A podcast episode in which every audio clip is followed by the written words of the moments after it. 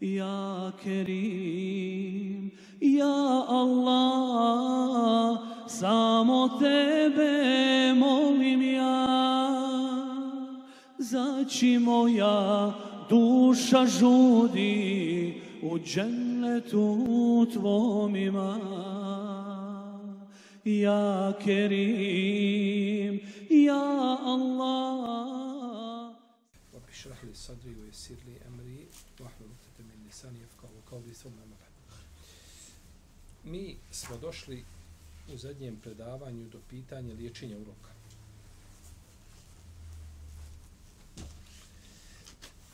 Osoba koja bi mogla ureći drugu osobu kada nešto vidi, treba kazati Allahumme barik alejhi. Maša Allah, la kuvvete ila billah. I slično tome. Znači da tu blagodat vrati i pripiše uzvišenom Allahu da ne bi došlo do uroka. I to je došlo u jednom hadisu koji ima slab lanac prenosilaca, da je poslanik rekao sa osame kada neko vidi nešto da kaže maša Allah, la kuvvete ila billah. Međutim, ovaj islamski učenjaci su prihvatili taj hadis, jel tako, u smislu da se radi po njemu, ne a, prihvatajući hadis kao hadis, nego prihvatajući šta? Njegov tekst i značenje. Njegov tekst i značenje. Seher ibn Hunayf radijallahu anhu prenosio da je poslanik al sam rekao zašto neko od vas ubija svoga brata.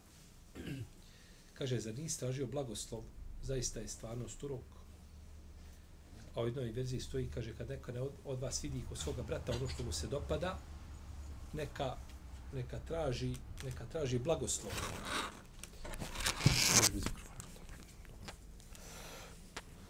Neka traži blagoslov za svoga brata. A, I neka mu dovi za beričit.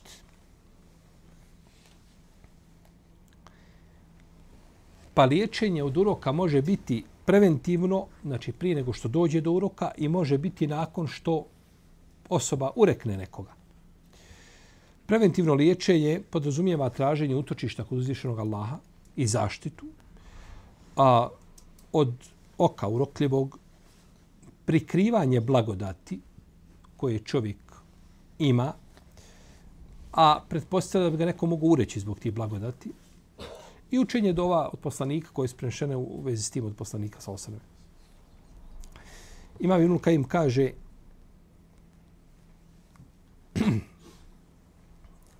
da, mi smo spomnjali da te bivaju, urok taj biva, spomnjali smo kako urok može djelovati, je tako? A, I da su tu, imali smo dva mišljenja, spomenuli smo da je mišljenje većine učenjaka šta? Da tu nema nekakva posebna veza između a, onoga koji će nekoga ureći i osobe koja će biti urečena. Ali urok se može predoprijediti, kaže, na način da se prikrije i ne ističe ono što izaziva zavist. I Osman je vidio valjda lijepog dječaka, kažu, tako spominjemo Velbega, imao je rupicu na bradi, pa rekao, kaže, zamaskirajte mu tu rupicu. Jer te rupice na bradi, na obrazima, tako, one su, one su ovaj, privlače, privlače ljudske oči, te ljepote, i onda može da ga urekne, kaže, namažite mu tu rupicu, kaže, na bradi, dnevnu, jel, kako se ne bi, ne, kako ne bilo dijete urečeno. I to je, znači, ovaj prikrivanje tih blagodati koje čovjek ima. Ne mora čovjek svaku blagodat koju ima pokazati ljudima. A, ne mora se svaki ručak uslikati i staviti na grupu. Nije nužno. Tako. Ništa to neće poboljšati. Neće biti ukusniji i neće biti ovaj, niti će, mu, niti će ga biti više, niti manje time što ode na grupu a može biti, može urok doći preko toga. I kada bi neko kazao da je da, da danas urok je raširen zbog između ostalog što što ljudi otkrivaju svoj intimu, svakome i svako zna je li tako ovaj njegov život i šta jede i šta pije, šta doručkuje i ruča i večera i i kada je nešto kupio, i kada je nešto prodao i kada je negdje se našao na lijepom mjestu pa se uslikao, nije isključeno da da, da može doći do uroka. Nije to isključeno tako, jer kazali smo da ne mora biti veza direktna između koga? čovjeka i onoga koga, jeli, koga može ureći. Tako da nije problematično kad postoji potreba da se nešto uslika, da se zabilježi, registrira, to sve nije problem. Ma ni na grupu postaviti, ni to nije problem. Ali bi to trebali biti, neka, nekakav pravilnik bi trebao biti, nekakvi okviri, nekakve granice. U protivnom zamarat ćemo jedni drugi našim privatnim životom. A, a ne znamo da često ta slika koju smo postavili negdje na grupu, da izazove probleme u braku kod nekog. Zašto on može, a zašto mi ne možemo? Zašto on ima, a zašto mi nemamo? To je priroda čovjeka, tako je. Kako on može, ja ne mogu. Kako to? A to je naše izraženo kod, kod žena. I onda nastanu problemi. Ništa. Imaš blago zahvali se uzvišenom Allahu. To što tebe neko će vidjeti, da si ti negdje našao se na Dunjaluku gdje drugi ne mogu doći jednostavno, imaš što i o tome, neka ostane tvoje. Ko se mi tebe i tvoje porodice, mi tvoje društva, gdje se našao s društvom, otišao negdje i tako dalje. Ne mora svako znati za to. Ali eto, ponekad pretjerujemo, a ponekad baš pretjerujemo. Ima i toga da baš pretjerujemo.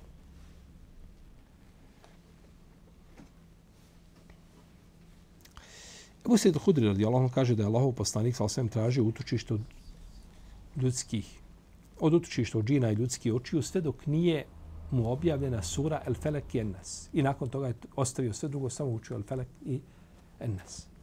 Znači, tražiš utočište od uroka, da se zaštitiš, a ne otvaraš jedna vrata velika, široka, jel tako, da te može i ona iz Australije, i ona iz Amerike, i ona iz, iz Kanade, i svi, svi ljudi mogu otvorio se vrata da te neko neželjeno, jeli, urekne.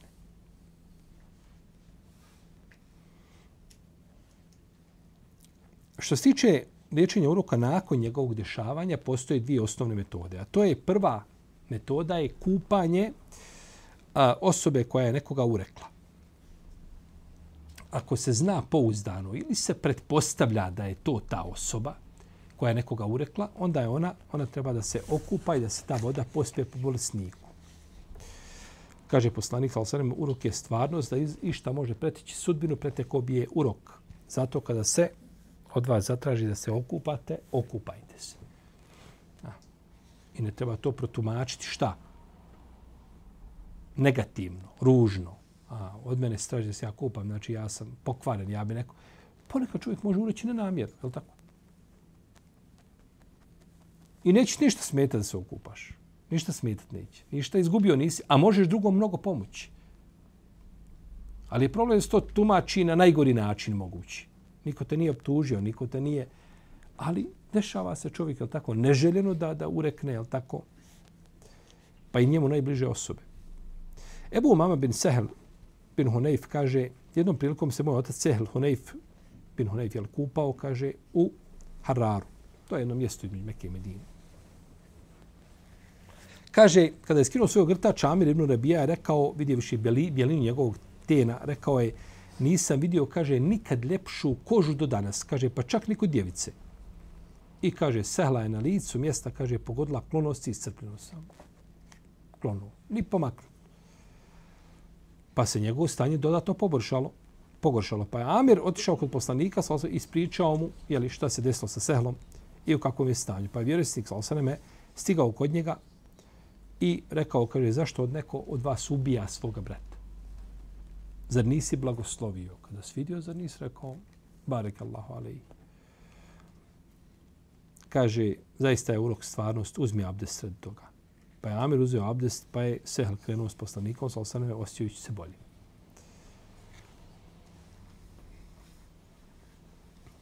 Traži blagoslov za njega.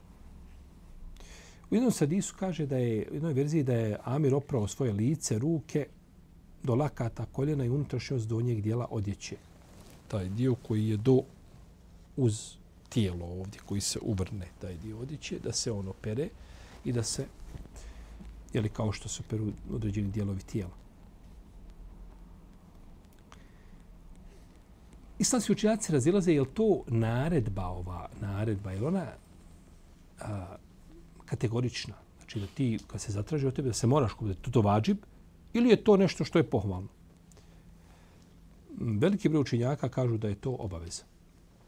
Jer u hadisu se naređuje šta? Izrišito se naređuje da zakonodavac nešto kad naredi, to je obaveza. Osim ako postoji dokaz. Ti kad nešto naređuješ Allahu, to je dova. Možemo li narediti Allahu? Možete kazati, oprosti mi. Je li to naredbeno? Podari mi naredbenu. Ali naredba niže ka višem je dova. Ne može biti naredba. Ti ka šefu kažeš, povećaj mi platu. Tako? To nije moraš mi nego molim te povećaj mi platu. Samo što si zastavio, molim te da malo jel, da mu ovaj, da budeš kategoričan da, da je to je to zaista malo što, da, što ti daje. Jel? U protivnom, dova od nižeg, eh, naredba od nižeg ka višem je šta? Dova, molba. Molba.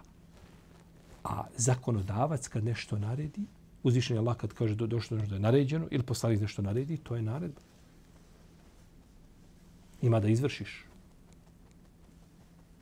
Osim ako jel, postoji dokaz koji ukazuje da nije stroga obaveza, jel, da je to pohvalno i lijepo djelo. Imam Bedurdin el Aini, poznati hadis, a on je umro 855. iđeske. On je rekao, kaže, u Rokljivcu će, kaže, biti naređen da se okupa, a ako odbije, bit će prisiljen na kupanje. Mada te, jel, prisilno da te kupam, prisilno kupanje. Jer je urokljivac, kaže, taj koji učinio nepravdu, a šerijet penale, a šerijetske, kaže, naredbe osnovu rezultiraju obavezu. Upravo tako. On je počinio nepravdu, šerijet mu naređuje i on je dužan, znači, da se... Ovdje spominje pranje lica, ruku, lakata, koljena i kvašenje unutrašnjosti do njega dijela odjeće. Negdje spominju, spominju stopala. Znači, ovo će se obaviti u jednu posudu i onda će se to sasuti na uračinog iza njegovih leđa. Iza njegovih leđa.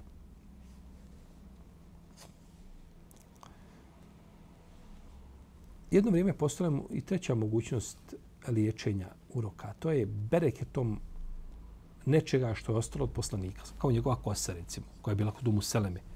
Kosa se njegova dođe stavi se u vodu malo, jeli, to se saspe. To je moglo, zbog bereketa moglo se, ali ubrzo je nakon smrti poslanika, sam sam, nije to dugo potrajalo da je nestalo je se što se veže za njega. Nestalo, nije ništa potvrđeno. To što danas kruži tamo dlaka negdje, od laka u boci, providno i pa ljudi idu pa taru. Pa... Izmišljotine sve. Sve izmišljotine. Ko može potvrditi da je to dlaka koga? Poslanika, sallallahu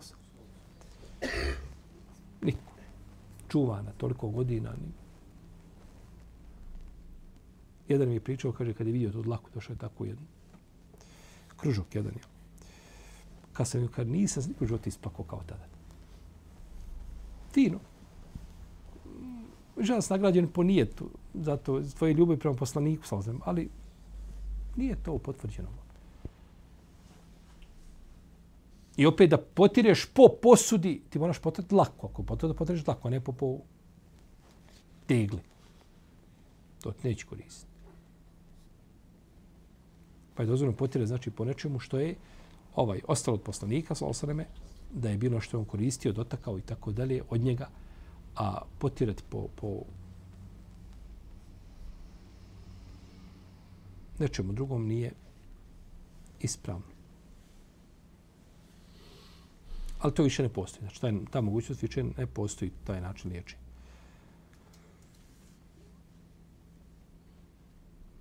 Neki učenjaci smatruju da će se samo svoje podlagce, neće prati šake i laktove. Međutim, kaže se u hadisu da je poslanik u jednoj verziji, kaže se da je oprao lice i ruke do laktova, to jest sa laktovima. Jel?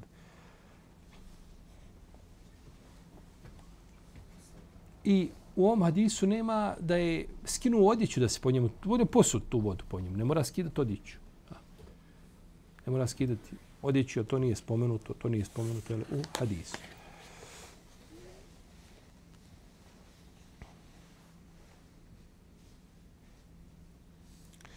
Medicina ne može liječiti uluk.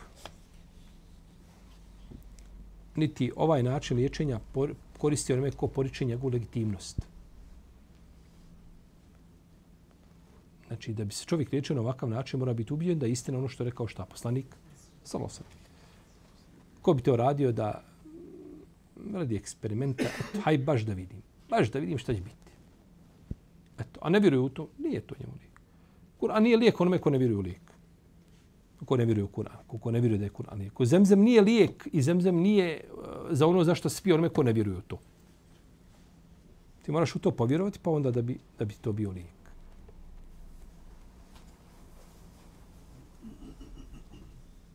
I zato kad, kad pomogne Kur'an nekome ko ne vjeruje u Kur'an, učiš nekome ko ne vjeruje u Kur'an, ti mu učiš rukju.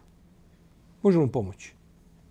Nije isključeno da mu pomogne. Ali ne zbog njega, nego zbog učača, zbog njegove iskrenosti. A on došao, uzeo Kur'an, otvorio i smatra da je to sve ovaj, uči. Nije to za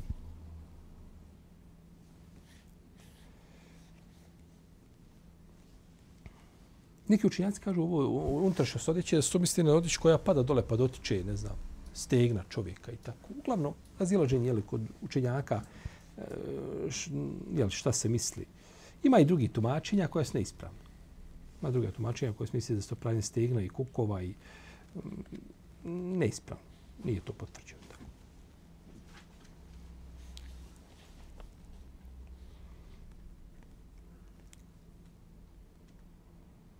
Pa nakon pranja ovih dijelova tijela voda će se sasut znači, na osobu koja je pogođena urokom. Ima Malik u svojom uvjeti na sloviju poglavlje abdes nakon uroka. Ima Nesai kaže abdes urokliv, uroklivca. Potom zabilježilo prethodne hadise. I nije moguće razumom dokučiti zbog čega je to tako lijek biva da se čovjek okupa i da pospe, ali to je... A, ali ne treba negirati, ne smije se negirati propis zato što razum ne može. Razum dosta toga ne može shvatiti. Tako. I čudno je da čovjek koristi samo razum, jel tako, ovaj, tamo gdje ti imaš u medicini milion stvari koje ne možeš razumjeti zbog čega je nešto tako. Zbog čega ovako. I kad ti ljekar kaže, nikada šuti, ne pričaj, ljekar kazuje, završi. Ali samo kad dođe pitanje din islama, čovjek hoće da želi sve, sve da zna svojim razumom i da mu sve se mora pojasniti. Zašto je nešto? U detalje mora biti meni. Tebi mora doći naredba ili zabrana, ništa više. A ako ti je pojašnjeno, hajdi bereket. Ako nije, na tebi da kažeš semjena u atana. Jer ti si rob. A rob ne ispitiva. I rob se ne raspravlja i rob ne, ne koristi svoj razum da bi, da bi oborio. Ti razum koristiš da bi se pokorio, a ne da bi izbjegao obavezu ili da bi sebi dozvolio ono što je zabranjeno, slično tomu. Taj, tad razum više prelazi svoje granice i nema, pa razum se ne, niko ne negira razum i da čovjek koristi svoj razum, ali razum koristi pa da ti ovaj odbaciš kuranske ajete ili hadise poslanika, svoj, tako dalje, to je pele. Kaže Suhejb radijallahu da je bio jedan da je Allahu poslanik sa osvijem pomjerao svoje uste nakon bitke na Huneinu. Pa su ga pit pa posle sabaha pomjerao usne na poseban način. Kaže, Allahu poslanik, šta je to? Ne čini što u drugim vremenima. Kaže, bio jedan vjerovjesnik prije vas koga je zadivio broj njegovih sljedbenika. Pa kad ih je vidio, rekao, kaže, ovima ne može niko ništa. Baš, proboj bjeli. Pa je uzvišen Allah objavio mu i ponudio mu da da svome narodu tri izbora da pošle na njih neprijatelja ili da ih iskuša, iskuša glađu ili smrću. Pa su kazali neprijatelj, to je teško, ne možemo zboriti protiv njega. Glad, nemamo sabora toliko. Prihvatamo smrt. Pa u jednom danu umrlo 70.000 njegovih sredbenika.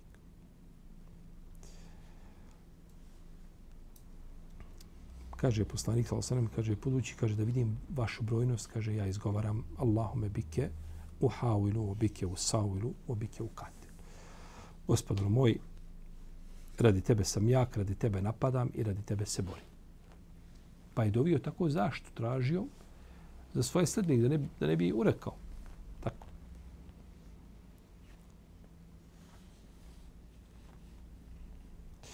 Šejb Musevin smatra da se može urok liječiti tako što se uzeti nešto od odiće urokljivca, od rublja, koje je bilo uz njegovo tijelo direktno dodiće i da se to opere podkošulja, turban, pantalon, nešto što je uz kožu. I ili da je dotakao nogama vlažnim negdje zemlju pa da je ostao trag, ili znači da je bio direktan, pa kaže da se to poprska po učenoj osobi, da popije te, po ureknutoj osobi da popije te vode, to bi se moglo. Kaže, ovo je ispitana metoda. Ovo je ispitana, kaže, metoda. Kaže, kod nas je običaj da se od rokovice uzme odjeća koja dotiče njegovo tijelo, kao što je kapa, turban i sve što je, pa će se odjeća preliti vodom i bolesnik će popiti tu vodu. To je znači, to nije došlo tako u dokazima, nego je to šta? Metoda koju su neki prakticirali pa se pokazala djelotvorno. A Ibn Džibrin kaže, praksa je pokazala da se rezultati postižu Allahovom dozvolom, kaže, pranjem svega što je dotakao urokljivac. I da onda ova osoba koja je uruknuta popije tu vodu da se pospe po njoj, a ako je dotakao, recimo, kvaku ovu na vratima, dotakao, izišao, ušao, sjedi žena na autobusnoj stanici, ona uđe, pogleda, a, jes lijepo. Uf, što je lijepo dijete. I na vrata. I ova vidi promjenu na djetu odmah. Izišla sa autobusne stanice, otvorila vrata, izišla, ustane i potare po toj kvaki. I onda to stavi u vodu. I onda to pospešta po djetetu. Kaže, to je ispitana metoda. Kaže, ona je, jeli, dotirnuo ključeve od auta, dotirnuo flašu, čašu, ne znam šta je više uzeo. Znaš, ako ne znaš, otišao čovjek neku da je dodirnuo nešto. Kaže, to sve može oprati, to je unoro, kaže, analogno onome što je poslanik naredio da se kupa, da se kupa, da se okupa u rokljivac. Ibn Baz nije prihvatio ovu metodu. Kaže to potiranje po kvakama, po pragovima, ona izišla prag, dotakla, bos, bosa žena bila, muškarac, otak prag, pa ti potreš prag, pa to u vodu i tako da. Kaže, to nije prihvaćeno. To je praksa. Nije isključeno da može djelovati, jer ima isti smisao šta, kao i kupanje. Ima dodirni zajednički tački u svemu tome. Međutim, osnova je da se ovaj ovaj krug da se ne širi i da se ne, ne čini to elastičnim u smislu da šta god čovjek izmisli, šta god ljudi probaju, može hajmo bereket. I onda izgubi a, a, ovaj svoj smisao, znači ovoga kupanja i uzimanja abdesta i tako da je nepravlja određeni nivo to izgubi svoj šta? Izgubi svoj smisao. Ako je taj rokljivac pogledao u, u, u zgradu, e, hajmo potrat po zgradi pa ćemo i to iscijeti. Hajmo. Ode to daleko i onda nema više granica. U svakom slučaju tu je jel, razilaženje među učinjacima. Druga metoda liječenja jeste na, u kom slučaju? Nakon nastupa uroka. Mi smo završili onu prvu, preventivnu smo završili. Jeli? To da čovjek traži utočište, da uh, kod uzvišenog Allaha, tako svakog oka urokljivca imamo dova različite tu temu. Uh, ne znam, da uh, prikriva blagodati koje ima da ih ne pokazuje javno. Je tako? A, što je čovjek jači imanski, manja je mogućnost da ga, da ga neko urekne, a nije isključeno i da je da može biti urečen ako je jak imanski, to nije isključeno. A, jeste učenje ruke. I ta se pribjegava učenju ruke kad se ne poznaje urokljivac. Samo čovjek je klonuo i ne zna se ni ko je ni šta je, onda je li učenje ruke Kaže imam Ibn Abdul Bar, rukja se uči u slučaju kada nije poznato ko je rukljivac. A ako bude poznato ko je, onda od njega će se da uzme abdest, potom će se, kaže, voda posuti po uračenoj osobi. A ako se ne zna, onda se uči, jeli, kao i u drugi bolesti, uči se ruke. Pa, za liječenje uroka rukijom ne uvjetuje se poznavanje urokljivca. Kao što je slučaj s kupanjem. Ne možeš ti kazati čovjeku, idi ti si ure kao, ne znam, ti si mu brat, ti si mu amidža, ti, si, ti si mu komšija, idi ti se okupaj mjesto njega. Moraš znati, tačno ta osoba vredi za nju. Ali kada je u pitanju liječenje ruke, je li ruk, eh, kada je u pitanju liječenje uroka rukom, onda nije uslov da se poznaje, znači opće ko je urokljivac. I to se najčešće ne zna. Prođe par ljudi, skupina ljudi, ne znaš ni ko je, ni šta je, ni kako je, je li.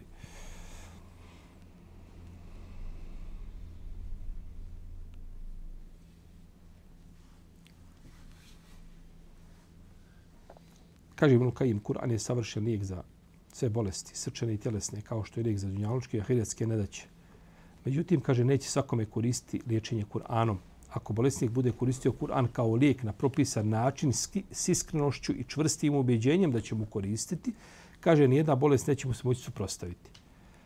Kako da suprostavi, kaže, riječima gospodara zemlje i nebesa koje kaže kada bi bilo objavljeno na kakvo brdo, kaže ili brdu, ono bi bilo rasparčano ili zemlji bila bi sva iskomadana. A u drugom dijelu kaže pojašnjenje El Fatiha sadrži da El Fatiha sadrži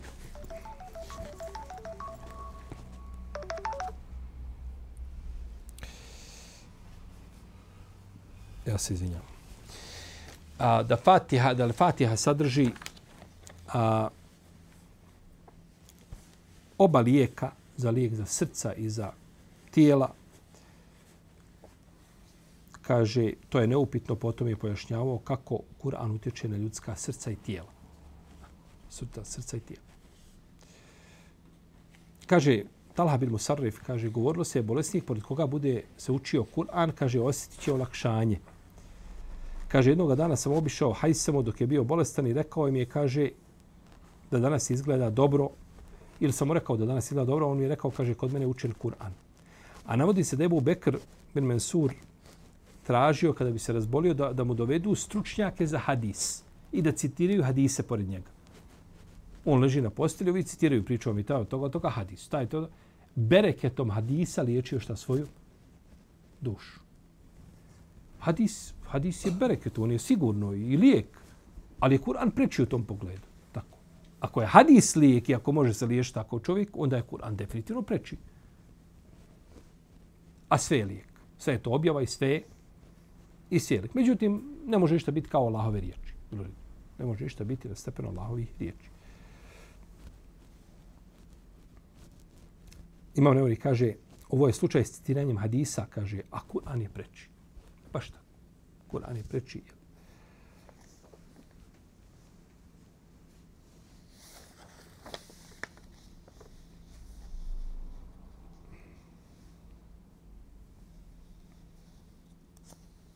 I spomenuo da je poslanik vidio onu djevojčicu, pa kaže, rije, rije, učite ju ruku, kaže, ona je urečena. Urečena je.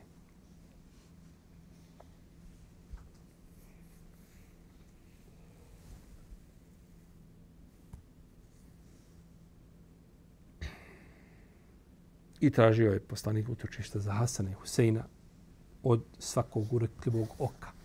Svakog urokljivog oka.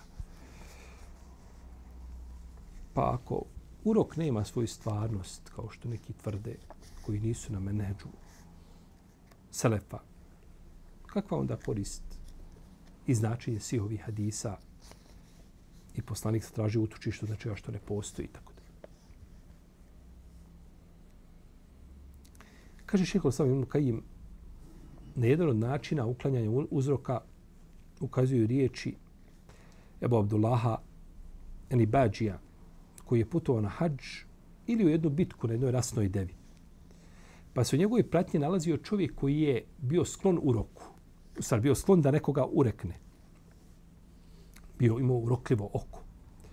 Pa su mu rekli, kažu, dobro se, i teško da, ka, rijetko kada pogledamo nešto da je to urekao.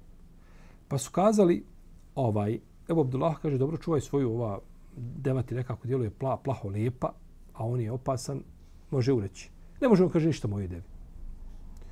Pa kad je to došlo do ovoga, sad je to ome izazov, je tako?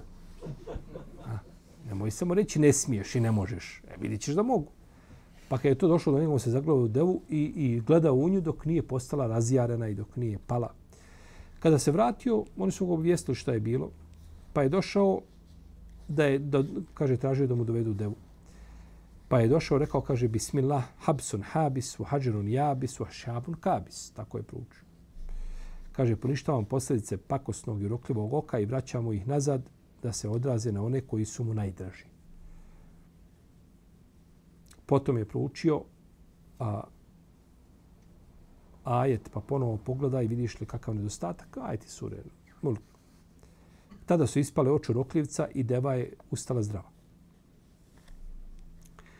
Ova priča koju spominje Ibnul Kajim u svom dijelu Zadul Mad, ova je priča nepoznata. Ne zna se, niti ima svoj sene, niti ko je ovaj čovjek, niti ništa se ne zna o tom. Znači, ovaj, dalje, ovdje spominje, kaže da se vraća to na njemu najdraže osobe. Svi molim i tako doviti. Neko napravio sihr ili urok nekome da kaže da Bog da tvoje dijete ispaštalo. Nema što pro. Kako, kakve dijete ima veze s njim? Da Bog da ti odgovarao ispaštao, to je nešto drugo. Ali ti dobiti protiv njegovog oca, majke, nekoga ko nema nikak s tim ništa. Ona te ziru u azir i to no ukra. Niko ničije grijehe neće nositi. I gori od svega toga što smo spomenuli je ova dova. Jer ova dova koju on kaže ovdje, kaže Habson habisu, Hadžerun jabisu, šihabun kabisu. To se ne može razumjeti na arapskom bez riječnika. Moraš se donijeti tovar riječnika. Razno razni i tražiti, kopati, ti, šta je to? To znači, znači koja su ne... Ovako to se prevodi globalno, međutim, ne može se tako razumjeti šta to znači. Dova biva jasnim riječima. A? E, rukija biva jasnim riječima. Nema nejasnoća, nema nekakvi iza šta zna. Ne pitaj šuti, ne moraš znaš šta znači. Pitao da izgovaraš. Allah se ne dovi nepoznatim riječima i nepoznatim izrazima i frazama koji su pro, sporne i problematične. Kur'an na jasnom arabskom jeziku, sunnet jasan ko dan, Allahova imena lijepa jasna ko dan, zikrovi jasni ko dan. Imaš nešto zikrima, zikriš, kažeš, Allah, dragi, što ovo znači? Koga ja dobim? Šta ja tražim ovdje? Sve jasno. I ti sad liječiš nekoga nekakvim uh, ovaj, habsun habis, hađenun jabis, šihabun kabis. Tako da je to ne. Ali ovu priču možemo zamijeniti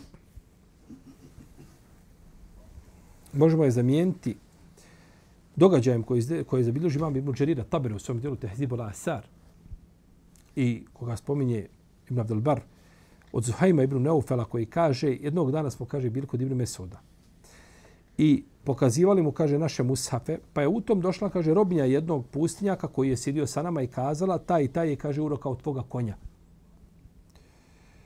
kaže samo se vrti u krug ne jede ne jede ne pije ne balega ne mokri ništa.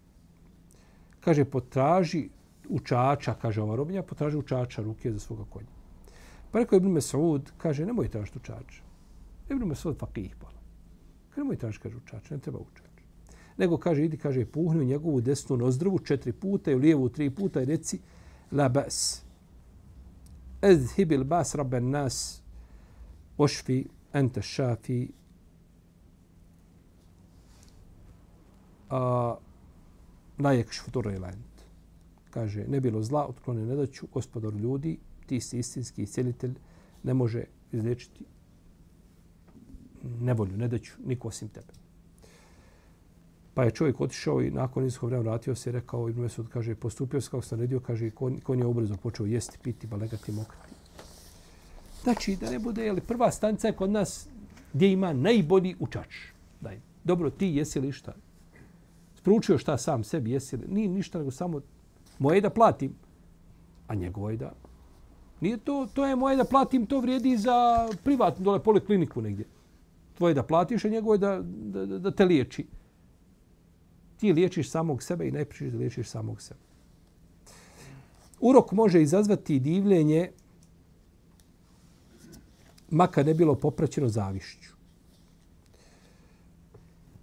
čovjeka može ureći njemu draga osoba. Mogu ljudi koji ga vole. Omer ibn Abdelaziz je imao jako lijep glas kad je učio Kur'an. I došao u Šam, učio Kur'an, pa zgu rekli ljudi. Može u izvjesnim situacijama iznimni može rezultirati smrtnim ishodom urok. Urokljivac je dužan da nadoknadi od imovine ono što je uništio. Jer on to uništio. To je njegov postupak. Ako se dokaže. Neki ljudi imaju pogrešno objeđenje da se prinošenje žrtve sprečava, da prinošenje žrtve da sprečava urok, auto, stan, ne znam. Jel tako? Kad kupi stan, kuću kad pravi, je tako, kolje gore na, na zidu mora zakliti janje. I mora se krv sliti niz temelje. Ni zid, ono ide, ide i da skroz ode šta dole da zalije malo i temelj. Zašto to mujo tako? Ne znam, tako je, kažu da ne bi ko urekao šta.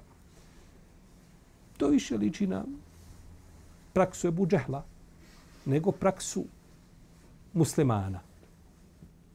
Odakle je to da ti moraš, da mora krv da zalije niz zid? Ako si ti došao da ljude, ono kako je kod nas običaj, kada se ploča salijeva, da se tu ljudi nahrane, okrene se ovaj jagnje za ručak, nije to problem, kreni petero. Za ručak nije problem, ali što ga kolješ gore na zidu ili ga pod temelje prineseš pa ga tu mora, mora krv. Da imaš ubjeđenje, znači da ta krv nešto šta? Da ona nešto mijenja. Ne mijenja ništa. Ti za kolji ovcu s nijetom da nahraniš ljude, imaćeš nagradu za to. Neće ovca ništa, neće ovca spriječiti ovaj, krv ovce spriječiti ovaj.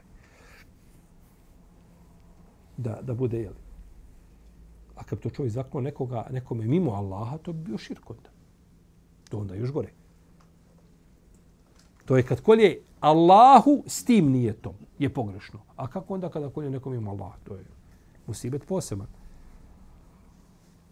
Pa čovjek znači neće, neće tako postupati.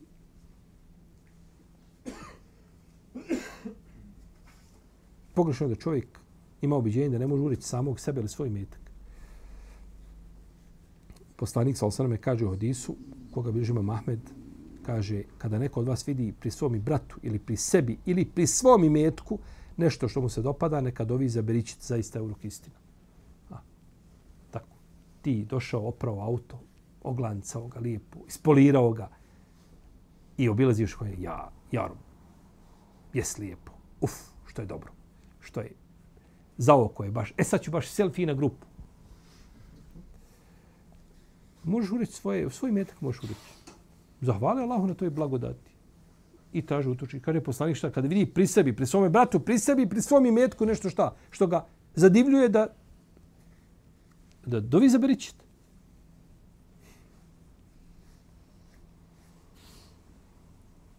Neki smatruju da se može kuckanjem po drvetu spriječiti urok. Nešto spomene, kaže, kaže, ma, možda kaže i mašala, možda ne kaže, ali bitno je kuckanje, to je, to je osnova. Je tako, da kucne malo po drvetu, po vratima, po, bitno je drvo da je, je tako? Da je drvo.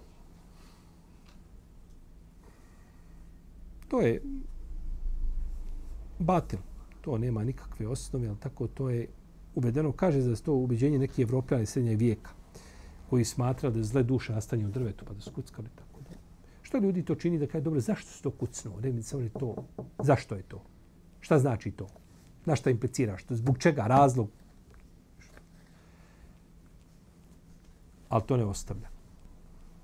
Zato su, zato su te bilo kakve novotarije, ti ružni običaji koji uđu u ljude, zašto su opasni? Zbog toga što ga više ne može iskorijeniti.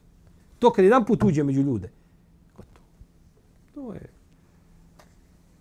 Jer šeitan gleda da očuva tu tradiciju, jel da tako? Da on pokaže da ima on prisustvo na zemlji. To je ružno obiđenje i nije dozvoljeno čak neki to ovaj svrstavaju u mali širki, tako dalje. Uglavnom, ovaj nije praksa muslimana, nema nikakve osnove i što dalje od toga to bolje. Maša Allah, tabarak Allah, Allahume barik, ovaj, da Allah podari hajri bereke, da Allah podari blagoslov, I na svom jeziku nije problem. Šta god da se kaže, da se pripiše i blagodat da se vrati uzvišenom Allahu i da straži veričit, ali kuckanje od drvo, ne. Neki učinjaci smatruju da nema smetnje postaviti strašila u usjeve i bašće. Ste gledali strašila? Ha? Negdje neki jesu, neki nisu. Pa dobro, nema i po Sarajevu ovaj, trebaš izaći na poljoprivredna nekakva dobra negdje gdje ima recimo kukuruz lijep. Pa što čemu svaka ih pričali Arab. To je kod nas poznato bilo, ovi stari znaju, jel tako, da je bilo to kukuruz lijep i on dođe i ono, ono, uzme gumu od auta, nešto stavi gore, ne, napravimo nešto gore, kao da je kosa nešto, napravio toga lik nekakav, sad pravi likova nešto drugo, jel? ali on postavi nešto tu i ti kada prvo pogledaš u, u, u livadu, ti si gdje vidio trašila par i ustašila i tu si usredsredio svoje razmišljanje i onda pogledaš i u kukuruzi u redu i to tako prođe u paketu, ne čudiš se. Ali samo kukuruz onako lijep, zeleno, naravno to više nije danas ovaj danas niko to ne hvali, pazite. Možete zamisliti da dođe mladić, djevojke da je prosi i kaj e, slušaj. Dobro, reci mi šta ima živio, šta ste kao? Pazi, babo mi ima 60 dunuma kukuruza posio I imamo, fakat imamo i 30 teladi, tovimo. I imamo i, i da deva spominje i svega da ima. Rekla bi živi bio, idi svojim telom. Živi život svoj, nikad ne može sprišao u kući. To više nije, to je nekad bilo, ha, bogatstvo, nekad je to bilo privlačno, nekad je to bilo hvalisali se ljudi, više se ne hvališ, sad se pali, šta imaš ti u kešu živio, to me zanima. Keš i to je to. I eventualno nekretnine i tako dalje, ali je keš, on je privlačan. E sad, ovi su stavljali strašila u lema, govorila o strašilima. Neko postavi strašila da, da, da se ne gleda u, u te ljepote koje imaju I spominju tu fakih po knjigama. I hanefijski učenjaci i drugi spominju, kažu, nema smetnje stavljati strašila, jeli, da bi time tako to hanefija najviše spominju. Pa nisu ostavili čak ni pitanje strašila po bo. Negdje, kažu, to je korisno, u tome kažu korist da bi se spriješilo čega od urok. Ima čak i hadis u tome. Neispravno hadis da se postavi strašila zbog izračavanja uroka. Ima hadis u tome, ali je hadis kod Ebu Davuda, Mursel hadisma i kod Bejheke, on je, on je slab.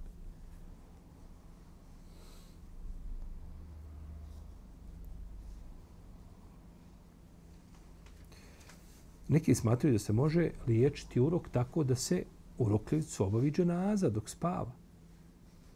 Dođeš, paru, vidiš, ne, zasponite lijepo, vi mu priđete naše četvrca, on leži i reče, Allahu ekber. Prouči se Fatiha, fino, jel? Ili ovisno po kome se se klanja, da se uči Kur'an, ne uči, klanjaš mu dženazu dok je živ. I kažu to smrt, kako smrt poništava urok, on kad umre, poništen je njegov urok, nema ga više, tako će kaže dženaza, jel, to je implicirana, jel, smrt njegovu. To je neutemeljen postupak. To je neko sjedio uz kahvu, onako, došao do zaključka, ako mu dženazu obavimo, vjerojatno da bi mogao Pa on je niz, ti, ti si mu dženazu klanio prvo dženaza, nije propisano živoj osobi, to je jedno. Druga stvar, on nije umro, nema, to je postupak znači koji nikakve osnove nema, nego ovaj više djeluje na, na je tako, eksperimentisanje nekakvo i Allah zna što uglavnom to se ne smije činiti, to je neispravno. I na kraju imamo salijevanje strave. Strava. Strava je dobila, pravi je naziv dobila. Ona je prava strava. Liječenje je to, to je liječenje rašireno našim podnebljima. Ne znam da li ima na drugim nešto posebno. Ovaj, vjerojatno da postoji da su Lema neka je spominjala to. Ali kod nas je to ovaj zastupljeno, što ne znači nijekom slučaju da je to dozvoljeno ako je rašireno. Ne znači to što je rašireno među ljudima da je odmah šta i I tome, time se najviše, najčešće bave starije žene koje se zovu, nazivaju ih stravarušama ili stravarkama. I ovaj način nema uporište nikako, to je sa olovom nešto da se radi i tako dalje, jeli, topljenjem olova, liječi se bolesnik. To je jedna neispravna prehvatljiva metoda koja nema nikakve osnove. A, ne možemo ga nazvati širkom i vrađbinom mm, ali ovaj ima koriste se fraze ako koriste se fraze koje sadrže širki tako dalje, onda svakako zabranjeno međutim ovaj ponekad se određeni uče uče kuranske sure unazad da bi nešto pravio priprema da je li i a, kad bi tako nešto činio čovjek to je smijavanje sa Kur'anom učiti Kur'an unazad to nije daleko kazati da čovjek time odmah izlazi iz vjere zna da je to kuranska sura ne uči unazad to je usibet Allah tako objavio, to, isto je čisto izigravanje sa Kur'anom. Kul huwa Allahu ahad, Allahu sam, lem jelid, ne lem ne wa lem ahad. I ti ideš sad od nazad izgovaraš. To je musibet, ne može biti veći izigravanja Allahovim riječima. Najgore vrste izigravanja. Tako to značenje, dobija nekakvo značenje sure, što ti, što ti uradio sure.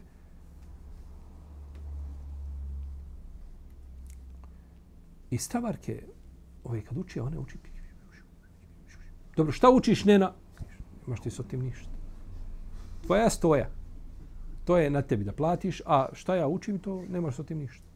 Pa dobro, a učaš ruke kad odeš šta? Kad je sjedne ovdje i počne sa Fatihom, Ajtul Kursijom, učiti, ne znam, Sural Bakara učiti. Sve čuje što uči. Sve uča učač ruke, sve zna šta izgovara. Može tiše izgovarati da da nije nešto glasno, ali sve čuje šta izgovara. Imaš snimljenu rukju na, na televiziji, ili tako na, tamo na YouTube imaš ovaj, klipove snimljena ruke. Doćemo do toga da vidimo je li to ruke ili nije rukja, doćemo do toga. Međutim, ovaj, ili ima nešto da on kaže i stani?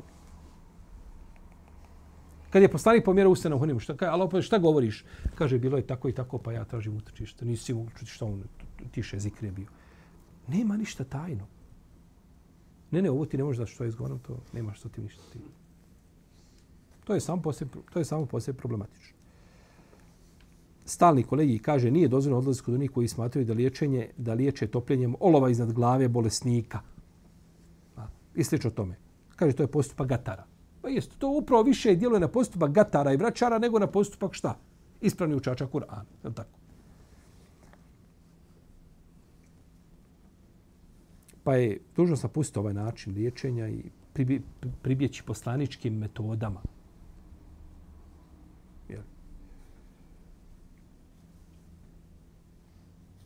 Ponekad one pokrivaju, stavarki pokriva, on kaže ona pokrije mejta, od toga mejta, nije mejta, nego bolesnika. I onda sasipa, da ga vidi zašto ga pokrivaš, možda i ne zna, možda je to naslijedilo. Dosta ti žena, ja vjerujem koje tako liječe da nemaju, e, nemaju namjeru da surađuju sa džinima, niti surađuju, nego, nego naučila je nekakve izraze i priča i govori da je to više ovaj pokupe ljudi pare nego što može jele, ovaj, koristiti. Jer ponekad metoda određena u liječenju može dati rezultate, ali to ne znači da je šta? Da je dozvoljeno. Ne znači da je dozvoljeno. Ne znači sve što će dati koristiti, ne znači da je, da je to isto šta i dozvoljeno. Jer mora isto tako put i način do liječenja mora biti halal. Ne može biti haram. Pa tu ima nepravilnosti različiti, jeli? Mislim da to ovaj odlaskom te starije generacije, da to polako zastarijeva i da će te, te vještine nestati, išao da nestanu, da, da se nikad više ne pojave, a da oživi poslanička medicina da oživi čorukut, da oživi e, ovaj e, da oživi med, da oživi el tako hidžama, da oživi ono što što je naše. A ono što je uvezeno da to izvezemo i da završimo tu priču. Sve što je neosnovano, el tako a da se to